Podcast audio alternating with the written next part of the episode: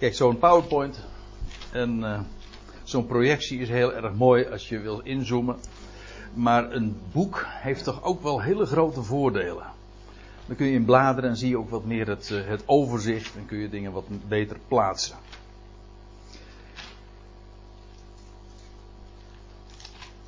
Wij waren de vorige keer gebleven, beste vrienden, bij Handelingen 21. Bij het slot inmiddels waren we gekomen bij van het 21ste hoofdstuk. Waar, ik zeg 21, maar dat, eh, dat is natuurlijk het 22ste hoofdstuk. Waar Paulus vanaf een verhoging, daar bij de burcht Antonia, zijn volksgenoten in het Hebreeuws toespreekt. En waarbij hij ook hen toespreekt om zijn, zijn punt te verdedigen. Hij was aangevallen. Er was een enorme oproer ontstaan in het, uh, daar in Jeruzalem waar hij zich bevond. Uh, het was Pinksterfeest, dus er was een grote massa daar op de been. En nou ja, de oproer was enorm. En als Paulus dan in de gelegenheid is om zich te verdedigen, hij krijgt die gelegenheid ook van, van de, de overste van de Romeinen daar. De overste over, de, over duizend. En als hij dan in die gelegenheid is om te spreken, dan, ja, dan verhaalt hij over zijn verleden, over hoe hij zelf ooit in, dezelfde, in hetzelfde fanatisme, met dezelfde ijver, de naam van Jezus heeft vervolgd. En hoe hij in zijn kladden is gepakt. Ik zeg het uiteraard nu op mijn eigen manier, op mijn, uh, in mijn eigen woorden. En Paulus verhaalt dat allemaal. Heel, en hij haalt die punten aan die juist voor zijn verdediging van belang zijn. We vinden de geschiedenis van zijn roeping bijvoorbeeld een paar keer in het boek Handelingen. Maar de wijze waarop hier de feiten geselecteerd worden, hebben allemaal tot doel juist om, om Paulus' punt te maken. Afijn, hij komt op een gegeven ogenblik erover te spreken dat hij in Jeruzalem uh, was. Bij een veel eerdere gelegenheid. En dat de Heer aan hem verschijnt. Hij, je leest ergens in vers 17 en 18 dat hij. Nou, laat ik het even voorlezen. En het overkwam mij toen ik te Jeruzalem was teruggekeerd. Waarschijnlijk was dat al zijn eerste terugkeer. Dus dat was drie jaar na zijn roeping. Dat hij in Jeruzalem was en in de tempel aanbad. Dat ik in zinsverrukking, in extase, staat er letterlijk, geraakte. En dat ik hem zag die tot mij zei: Haast u en vertrek spoedig uit Jeruzalem, want zij zullen van u geen getuigenis over mij aannemen.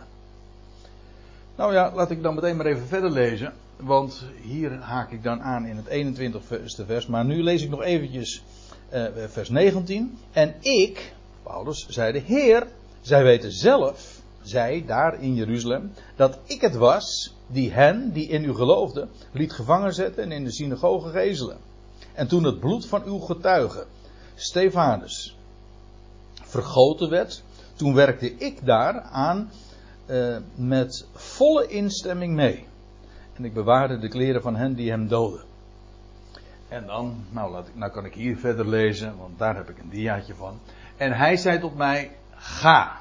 Dat wil zeggen, ga hier weg, want ik stuur je naar natieën, ver weg. En zij hoorden hem aan, echter aan, tot op dit woord. Hij had inmiddels dus een, een reden gehouden, maar dit deed de deur dicht. En, of zo u wilt, dit was de druppel die de emmer deed overlopen. Dit was namelijk een directe aantasting van het gevoel van superioriteit dat Israël had. Want hiermee werd namelijk niet alleen maar gezegd dat. Door dat. Laat ik het anders zeggen. Doordat Paulus hier verhaalt van zijn missie. De Heer zelf die hem notabene in de tempel van Jeruzalem wegstuurde. Moest maken dat hij wegkwam. En naar de natie naartoe uh, moest gaan. Daarmee werden de natie maar niet alleen op uh, gelijke voet gezet. met Israël. Maar het is eigenlijk nog ver, het is veel erger. Israël werd terzijde gezet. Hier moet je wegwezen. Hier uit Jeruzalem en in het Jodendom in het algemeen. Want ze zullen over mij geen getuigenis van jou aannemen. Evenmin als dat ze dat trouwens gedaan hadden van de twaalf. Maar nu, en dat is wel heel uniek voor Paulus. Ik zend je ver weg naar natieën toe. En daarmee blijkt dus Israël gepasseerd te worden. En de natieën krijgen hier de voorrang. Nou, en dat. Uh, ja, nou, dat lees je dus. Dat maak je direct ook op uit de, uit de reactie. Maar je moet je even voorstellen wat, wat die massa daar uh, aangehoord heeft. En hoe zij zich bewust waren van, ja, van wie zij waren als Israëlieten. En, en dit was een regelrechte ja, belediging daarvan. En dan lees je, ja, het volk wordt dus terzijde gesteld om uh, plaats te maken voor de natieën. En ineens, als ik het zo lees, dan moet ik er ineens aan denken. Aan een, uh, aan een kerkelijk leerstuk. En ik, nu begin ik het ook ineens uh, een beetje begrip voor te krijgen. Dan moet ik uitkijken natuurlijk. De kerk is in de plaats van Israël gekomen. Dat is natuurlijk niet zo. Uh, zo van dat de kerk of de ecclesia of de gemeente alle beloften heeft overgenomen van Israël. In die zin is het uiteraard niet waar. Maar in zekere zin is het dus wel zo dat Israël terzijde is gesteld, tijdelijk. En in plaats daarvan zijn de natieën gekomen. Want het is toch inderdaad het, uh, niet in Jeruzalem moet je wezen, Paulus. Maar je moet juist naar de natieën toe gaan. En niet omdat het hier uh, inmiddels Jeruzalem gelooft het al en nu gaat het vanuit Jeruzalem naar de natie. Nee, het is, het is juist, is er, Jeruzalem gelooft het niet. En om die reden ga je naar de natie. En dat is het pijnlijke punt natuurlijk wat Paulus hier naar voren brengt. Laat ik het nog eventjes wat, uh, wat even op een rijtje zetten. Het evangelie van de besnijdenis, het is een uitdrukking, ik heb het tussen aanhalingstekens gezet, het is namelijk een uitdrukking die Paulus gebruikt in Galaten 2. Het evangelie van de besnijdenis, dat toevertrouwd was aan Petrus en de zijnen, de twaalf, Stefanus, ik noem nu de namen die in het boek Handelingen een grote rol spelen. En zij hebben uh, de boodschap verkondigd. En dat zie je in die eerste zes, nee, zeven hoofdstukken van het boek Handelingen heel duidelijk ook benadrukt. De boodschap als Israël de inmiddels opgewekte, de opgestane Messias aanvaardt, dan zal het koninkrijk voor Israël worden hersteld. Ik bedoel, het koning. Israël was ooit een koninkrijk, maar al, al eeuwen niet meer. Maar het huis van David, de troon van David, zou hersteld worden, weer opgericht worden. En dat zou, en dat, u vindt dat in Handelingen 1, uh, eh, in Handelingen 3. Het wordt iedere keer zo uh, benadrukt en, en verkondigd voor Israël. Kom tot geloof in, de, in jullie eigen Messias. en komen jullie tot geloof, dan zal hij terugkeren en zal hij de belofte gaan vervullen waar alle profeten in het Oude Testament over gesproken hebben. Kortom, dan wordt het koninkrijk voor Israël hersteld. Dat is het evangelie van de besnijdenis. Dat is het evangelie dat per definitie juist aan de besnijdenis, aan Israël, het besneden volk, wordt gepredikt. Want dit is namelijk hun evangelie. Voor hen is het een evangelie dat als, de, als ze de Messias geloven, dan zal, zullen al die beloften over het koninkrijk en het vrederijk in vervulling gaan. Nou, dat is het eerste deel van het boek Handelingen. Het evangelie van Israël, van de besnijdenis. Paulus, dat, en zijn boodschap ligt in het verlengde daarvan, ook ik bedoel heel letterlijk. Want hier was Paulus in die eerste zeven hoofdstukken er niet eens bij. Nou, en voor zover die erbij was, was die Saulus en stond hij aan de kant van het ongelovige Israël. Dan als, uh, nou ja, het, het, grote scharnierpunt is handelingen 7, Stefanus, de kroon hm, wordt verworpen. Dat is ook precies waar, het punt waar Saulus geïntroduceerd wordt als figuur. Hè, die dan de klederen bewaart van, van degene die Stefanus stenigen. En nou, vanaf dat moment komt Saulus of Paulus in de picture. En aan hem wordt het evangelie van de voorhuid toevertrouwd. Dat is een uitdrukking die Paulus in datzelfde gelaten 2 ook bezigt. Het de voorhuid besnijdenis. Hè? Ja, dat zijn van die technische termen, maar voor Israël en in de Bijbel ze, uh, met een hele evidente, klaarblijkelijke betekenis. Degene die niet besneden zijn dus. Het evangelie van de onbesnedenen, zo u wilt. Dat was aan Paulus toevertrouwd.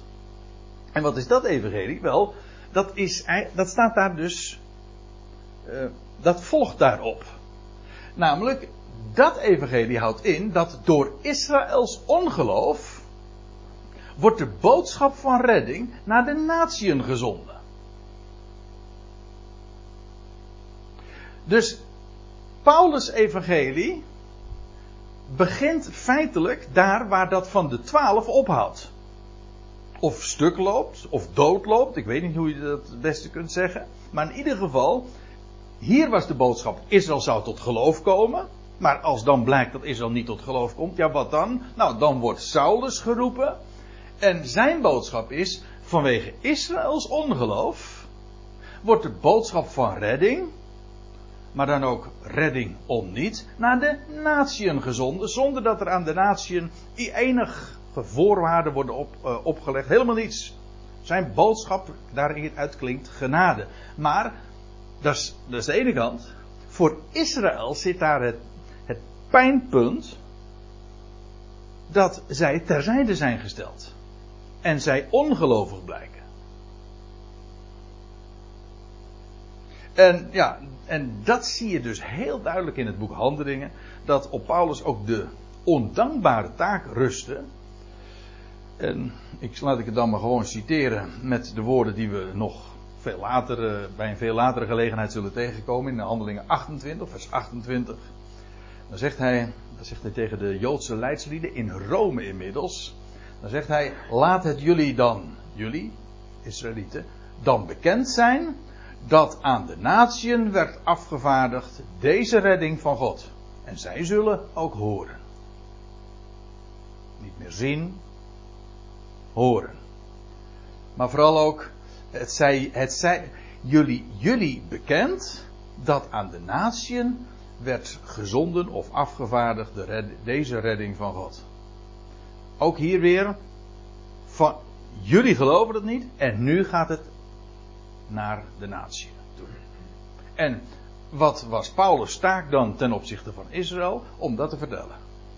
De taak van Paulus was het evangelie, of de boodschap van redding,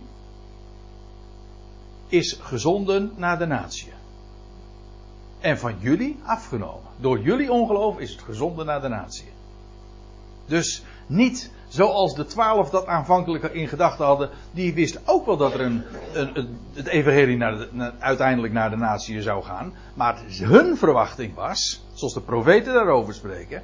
Israël, uh, de Messias komt. En via Israël gaat het heil dan naar de natie. Maar Israël is daar het middelpunt in. Bij Paulus is het precies omgekeerd. Het is juist Israël staat terzijde Israël gelooft niet. En juist om die reden, door Israëls val, gaat het heil naar de natie. Niet door Israëls herstel, maar door Israëls val. Of ongeloof. Ik vind het toch even goed om dit scherp te stellen. Want dit is namelijk een heel cruciaal punt, ook om het boek Handelingen te begrijpen. Waarom ligt Paulus nou zo buitengewoon moeilijk daar in Jeruzalem? Daar waren toch ook de twaalf. En die hadden strijd genoeg. Maar ja, die hadden hier nog geen weet van. Dat heeft ook een hele tijd geduurd voordat ook dit kwartje, hè, als ik het zo mag zeggen, de vijf maal vijf, hè. Maar goed, uh, dat, dat kwartje zou vallen ook bij, bij Petrus en de zijnen.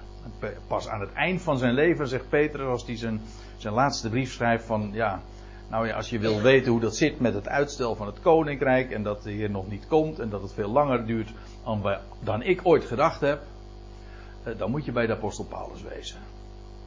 En de langmoedigheid van de Heer acht hij tot louter, staat het er, acht hij tot, uh, help mij hè. En acht de langmoedigheid des zie.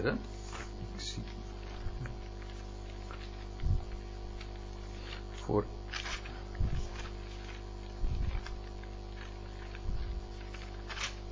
Ja, het staat terecht hoor. Ja, ja, Alleen ik zit eventjes te denken van hoe, hoe staat het er ook alweer precies? Um, ja. Houd de langmoedigheid van onze Heer voor, ja, voor zaligheid, voor redding. Zoals ook onze geliefde broeder Paulus naar de hem gegeven wijsheid jullie geschreven heeft. Evenals in alle brieven, wanneer hij over deze dingen spreekt. Daarin is een en ander moeilijk te verstaan. Paulus spreekt uit eigen ervaring daarmee ook. Dat is, ik bedoel, voordat duidelijk werd dat dit een doodlopend pad was. En dat Israël niet gelovig werd. En dus ook het koninkrijk uitbleef. En dat het, de verwachte terugkeer van de Messias uh, niet, daar, niet in hun dagen plaatsvond. Ja, dat is een hard gelach geweest.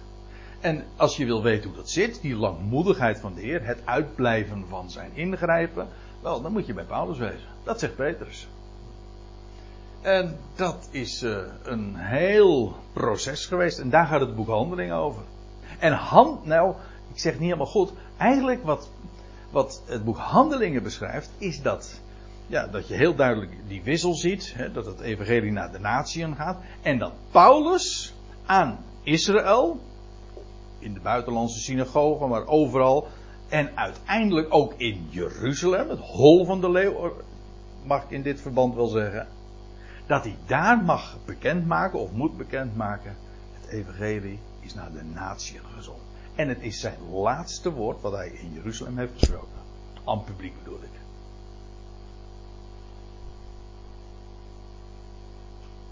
Ja, dus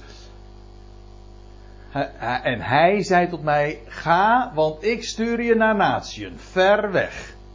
Dit zijn Paulus' laatste woorden aan publiek daar in Jeruzalem tijdens het Pinksterfeest in Jeruzalem.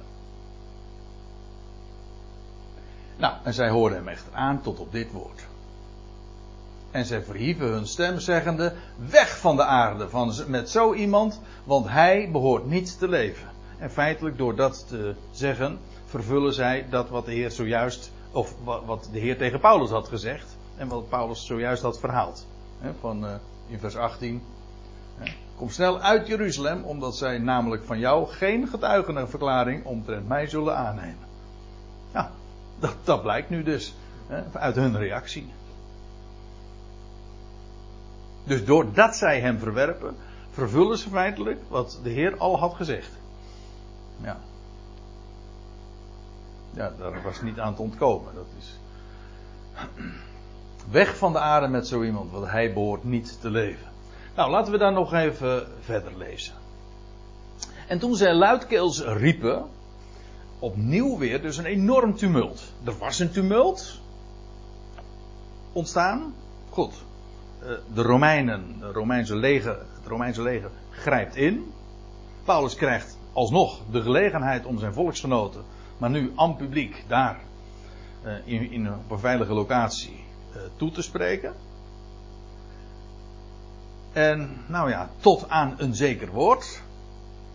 En dan alsnog barst de bom of breekt de hel los. Ik weet niet hoe je het zeggen moet. Dat was lag er in de buurt, dat wel. Dus. ja. En toen ze luidkeels riepen. En met hun bovenkleding gooiden en stof in de lucht wierpen. Ja, dat zijn gebruiken die wij natuurlijk niet zo uh, kennen. Omdat, uh, ik zo ken, maar we, kennen, we hebben allemaal rare gewoontes natuurlijk. Moet je maar eens in een stadion komen en kijken wat mensen allemaal doen met, uh, met hun kleren enzovoort. Of, maar goed, hier lees je dus de, de ontsteltenis, de woede. Ehm, ik moet er trouwens wel aan denken. Je leest in, uh, in Job 2 vers 12 heb je ook iets soortgelijks. Maar ik zat er vooral ook aan te denken uh, wat dit typologisch dan betekent. Het was letterlijk natuurlijk waar hoe zij reageerden. Maar ik dacht eraan, dat, we hebben er al, volgens mij heb ik de vorige keer er nog even op gewezen. Dat als Paulus dan die, de kleding bewaart van uh, de mannen van het Sanhedrin.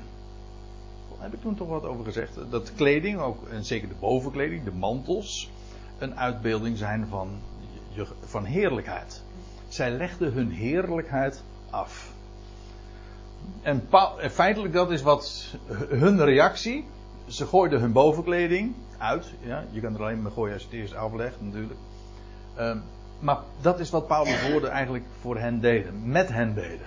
Paulus' woorden ontdeed hen van hun heerlijkheid. En deed ook, ja, stof opwaaien. Dat kennen wij, die uitdrukking ook nog. Hè? Ja. Laten we de geschiedenis uh, verder lezen. We krijgen nu trouwens ook een, eh, een, een, Dat zal trouwens de volgende keer ook het geval zijn. Als we in hoofdstuk 23 verder gaan. Ja, eh, echt een, een verhaal, een geschiedenis. Zonder dat er inhoudelijk zo, zo, zozeer dingen besproken worden. Want op het moment dat het echte inhoudelijke onderwijszaken aan de orde komen, ja, dan kun je dat ja, dat, dat moet je dan toelichten, dat kun je uitleggen, de andere plaatsen laten zien. Maar dit is, eh, als het gewoon geschiedenis is, het, het, vertellen van het verhaal, ja, dat hoef je nauwelijks uit te leggen. Dat is gewoon een kwestie van luisteren en even met precisie vernemen hoe het precies staat. Dus dan kunnen we er ook eens uh, soms wat sneller doorheen gaan. Dan kunnen we meters maken, zeggen ze dan. Hè? Nou, we zullen zien. uh, Dan beval. Uh, oh ja, toen zij luidkeels riepen en met hun bovenkleding gooiden en stof in de lucht wierpen, beval de hoofdman over duizend uh, hem binnen te leiden in de legerplaats. Die hoofdman, die heeft een naam trouwens. We zijn hem al een paar keer tegengekomen. En we zullen het later zien in hoofdstuk 23, vers 26, deze man heette Claudius Lysias. Misschien dat ik er vanavond nog even over uh, kom te spreken.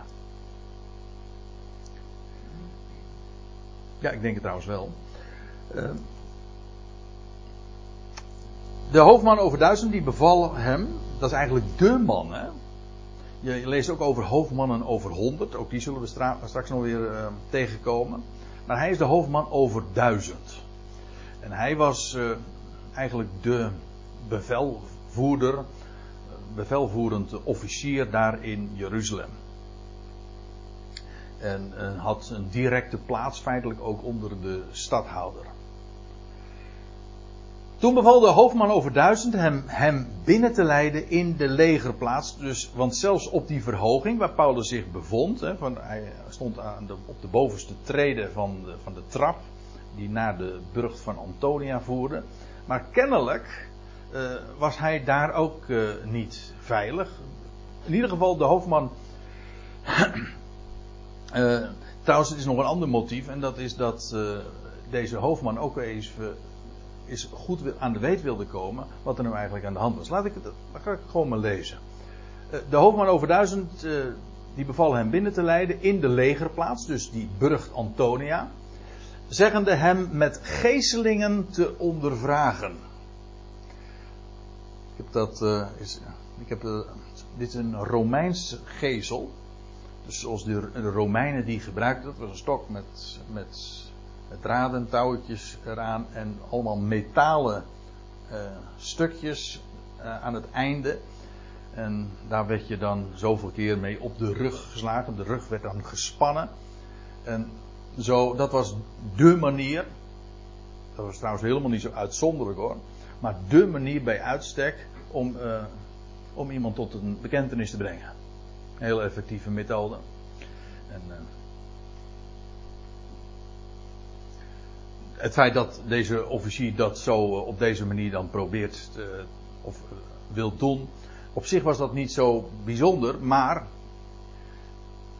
in het algemeen zou dat zo zijn, maar in dit specifieke geval kon dat niet. Maar dat zullen we straks nog zien.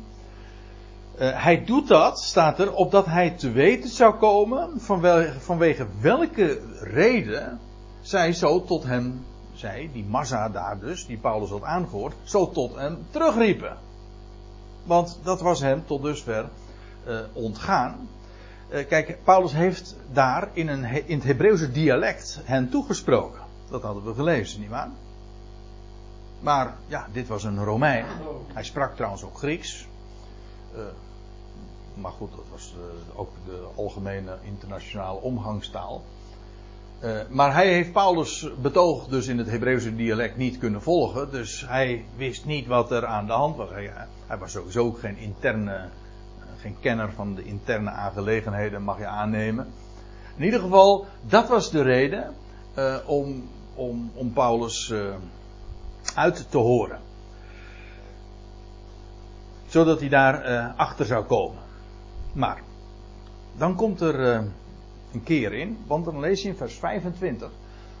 Toen zij echter, die mensen die hem dus wilden, die hem zouden gaan geeselen, toen zij echter hem met de riemen voorbereidend uitstrekte.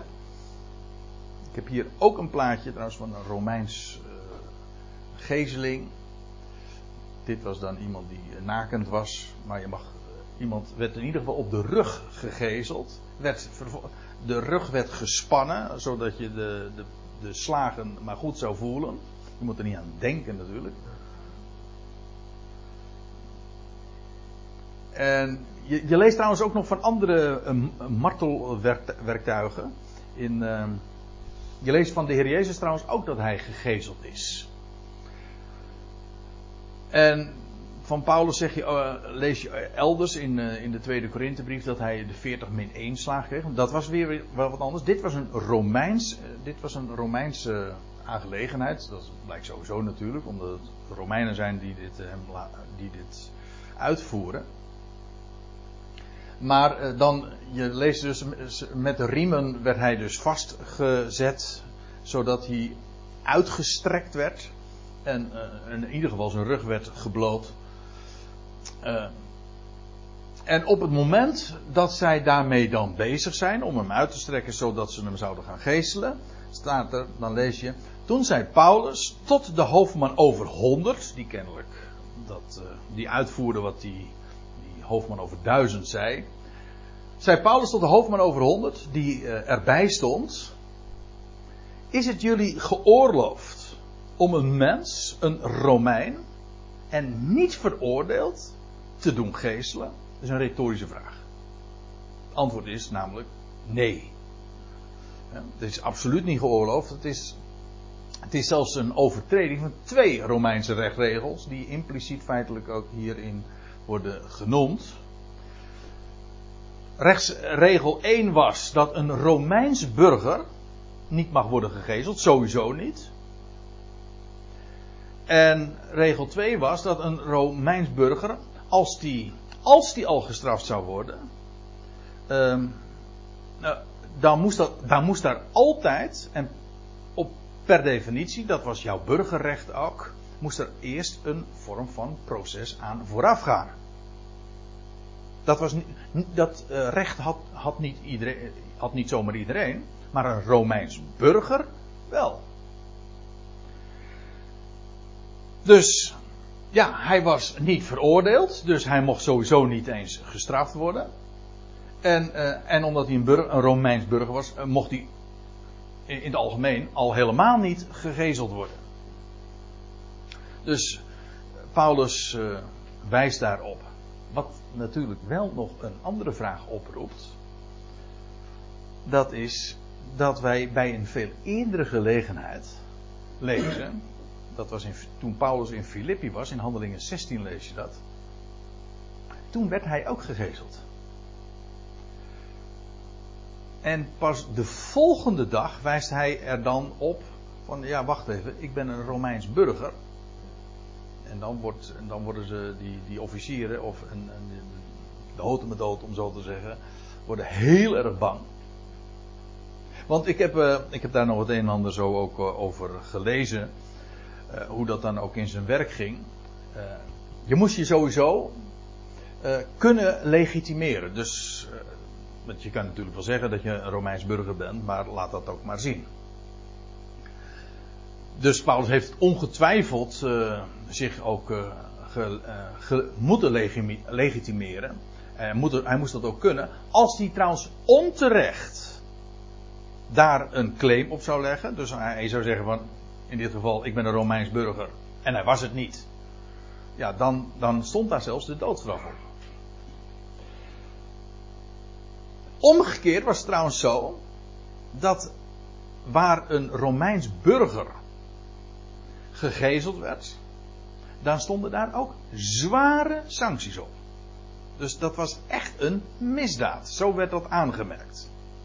Dus je kunt je wel voorstellen dat die, die, die, die hoofdmannen dus, uh, Spaans benauwd kregen.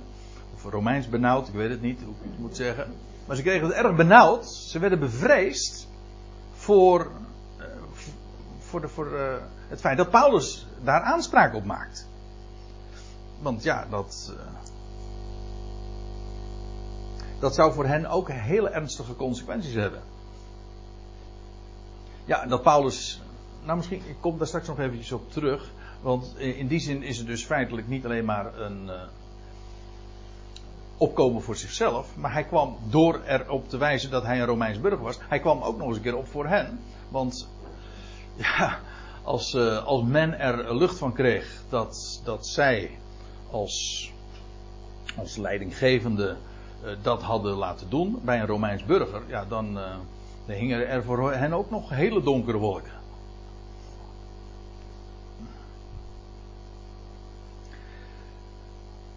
Goed, Paulus die stelt alleen maar die vraag. Nou, die vraag is al genoeg om, uh, om, genoeg, om dit in, in het een en ander in werking te stellen. Want dan lees je wanneer echter de hoofdman over 100 dit hoorde, ging hij naar de hoofdman over 1000 en berichtte het hem, zeggende: Wat sta je op het punt te doen?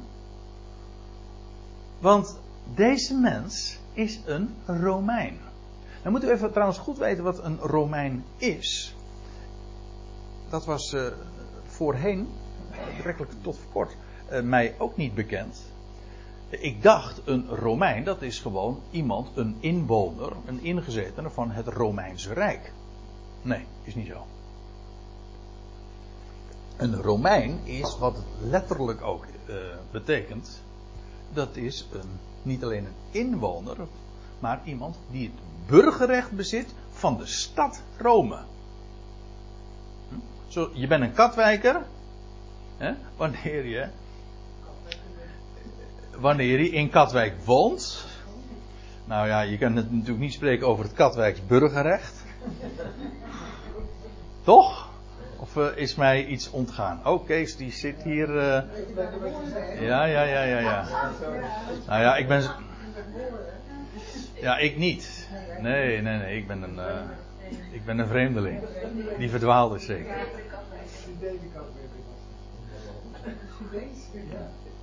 Maar vanaf morgen uh, kan ik zeggen dat ik er al 25 jaar woon. Ja. Maar een, Romein is dus iemand, een inwoner, nee, een burger van de stad Rome.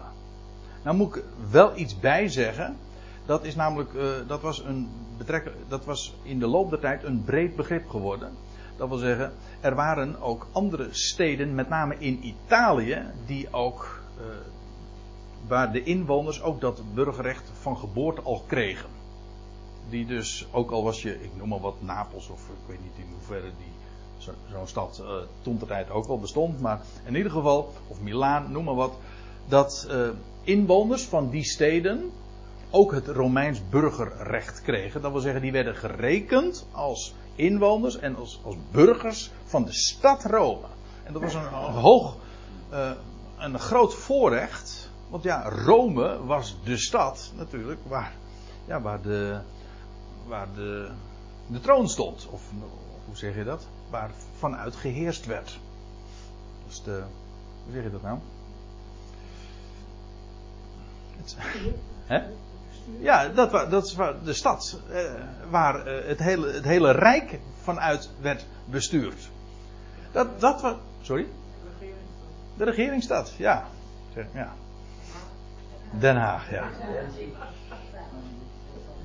Ja, go- we praten natuurlijk nu over, over situaties, omstandigheden eh, van 2000 jaar geleden. Maar zo lag het dus.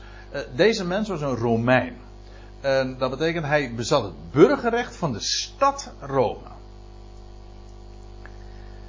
En de hoofdman over duizend echter zei tot hem: Zeg mij, ben jij een Romein? En hij nu, Paulus, zei met nadruk: Ja. En dit is trouwens, als je daar weer over do- doordenkt, natuurlijk, dat is letterlijk zo. Maar er zit hier nog wat meer achter. Hoezo dat met nadruk? Was dat alleen maar omdat Paulus bang was om gegezeld te worden? Nou, eh, we kennen Paulus eh, inmiddels al lang genoeg hè, in het boek Handelingen. Om te weten dat dat niet zijn drijfveer was. Wat dat betreft, hij ging overal doorheen. En dat was ook niet het punt. Paulus stelt zich hier in Jeruzalem op als een Romein. En vorige keer kwam het ook al even aan de orde, maar ik wil nu ook even de, de versen laten zien waar dat naar voren gebracht wordt. Paulus is namelijk, ja, hij was een Hebreeër. Hij was een, hij was ook nog een Griek. Dat was hij, hij- ja, hij was Grieks, sprak Grieks, was een Hebreeër, sprak Hebreeuws. Maar hij was ook een Romein.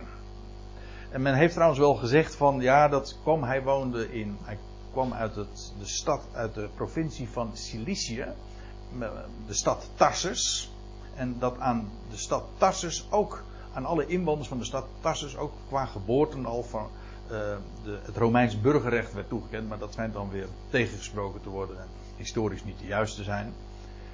Dus de vraag blijft dan, eh, hoe, hoe komt Paulus als, natuurlijk, hij was een, hij kwam niet uit, hij was niet geboren in, in het land van Israël, maar hij kwam uit Tarsus. Hoe kwam hij dan aan dat Romeinse burgerrecht? Nou, hij was het van geboorte. Een Romein bedoel ik. Maar hoe, dat blijft de vraag, hoe kwam hij dan aan dat Romeinse burgerrecht? Had dat, eh, waren zijn ouders eh, daar? eh, er zijn verschillende theorieën over in oploop. Eh, Nou, ik zeg theorieën, het zijn gewoon speculaties. Je kunt van alles daarover roepen van hoe eh, Paulus een Romein kon zijn. In ieder geval één ding is zeker, hij was het, we zullen het straks nog zien, van geboorte. Maar goed, nou is Paulus daar in Jeruzalem. Het volk loopt te hoop tegen hem, dreigt gegezeld te worden. Wordt Paulus steekt daar een stokje voor en zegt van, oh, ik ben een Romein. En dan blijkt dat ook zo te zijn. En Met nadruk, ik ben een Romein. Hier is dus een Romein in Jeruzalem. Iemand van de natie. En kijk, en dat brengt me nou op mijn punt. Paulus is ook een afgevaardigde, een apostel van de natie. En ook dat is iets, ik zei, ik had zojuist over een bepaald misverstand dat ik zelf altijd gehad heb over wat een Romein was.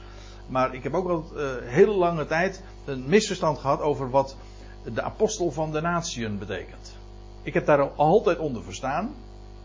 Dat is de apostel die gezonden is tot de natie.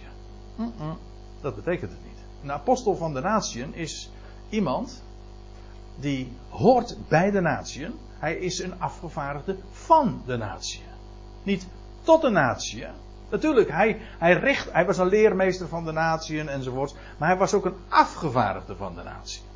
We gaan even naar Romeinen 11. Romeinen 11, ja. Ja? Ja. Ja.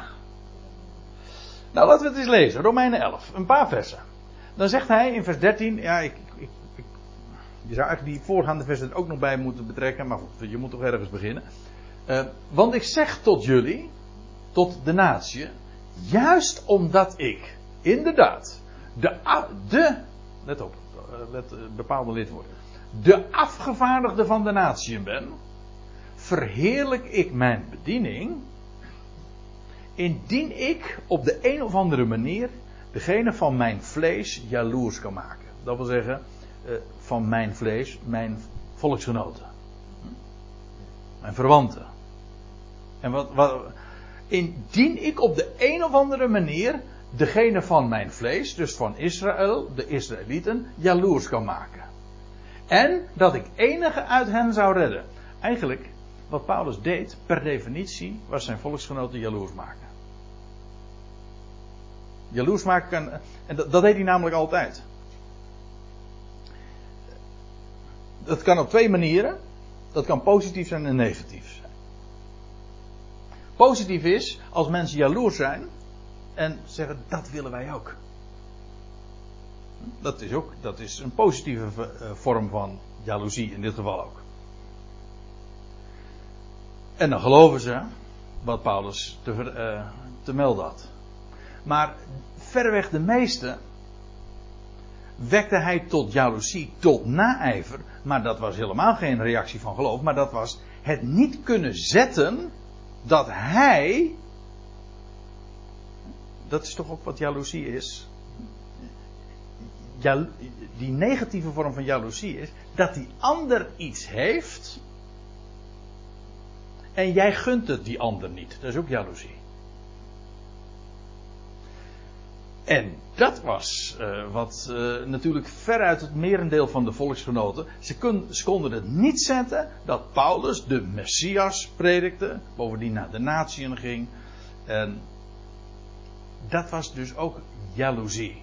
Die naijver. Het niet kunnen zetten dat wat hij claimde te bezitten en, en wat zij niet geloofden. Of wat, zij hem niet, wat ze niet konden uitstaan.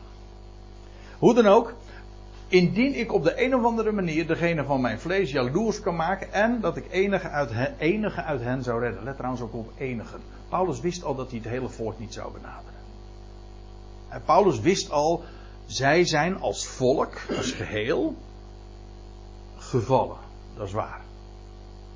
Of ernaast gestapt, hoe zegt hij dat? Mis, misgestapt. Gestruikeld.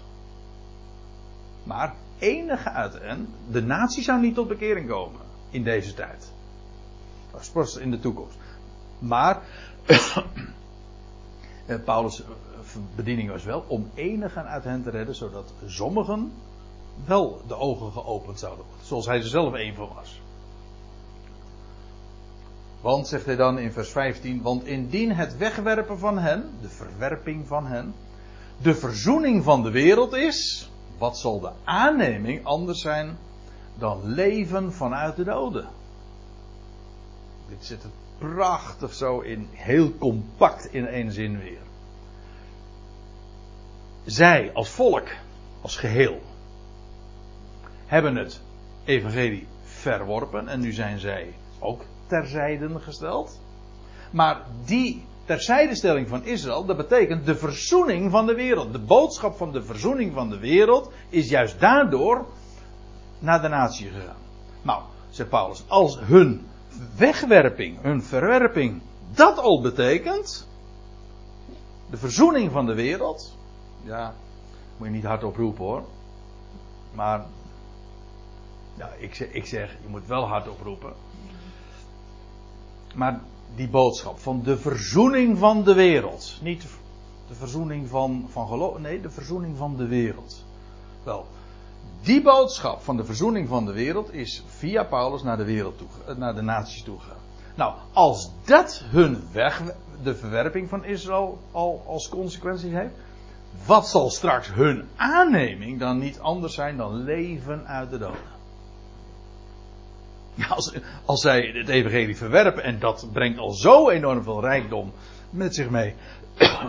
Wat zal het zijn als zij straks gelovig worden en dat Jacob Israël wordt? Ja, dat zal niet anders zijn dan leven uit de doden. Dat is trouwens ook iets gegeven wat zo vaak in de profetie genoemd wordt. Ook Israël zal op de derde dag opstaan. Hun aanneming zal niet anders zijn dan leven uit de doden. Maar goed, het me even om dit. Wat Paulus is een afgevaardigde van de natieën en als behorend tot de natieën, als Romein.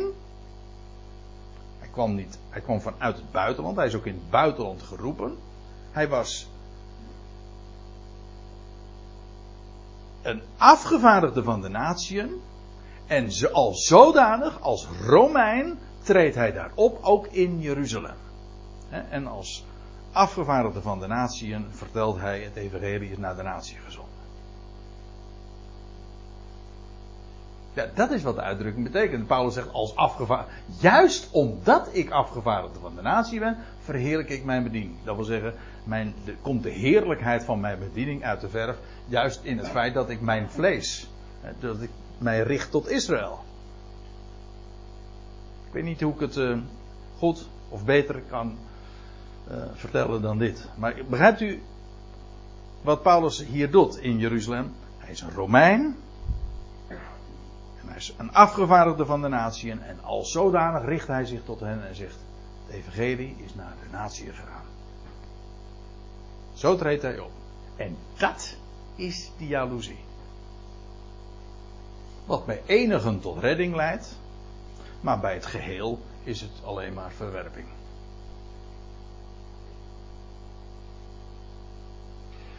Nog even terug naar de, de situatie. Er, was, ontstaat een vraaggesprek dus.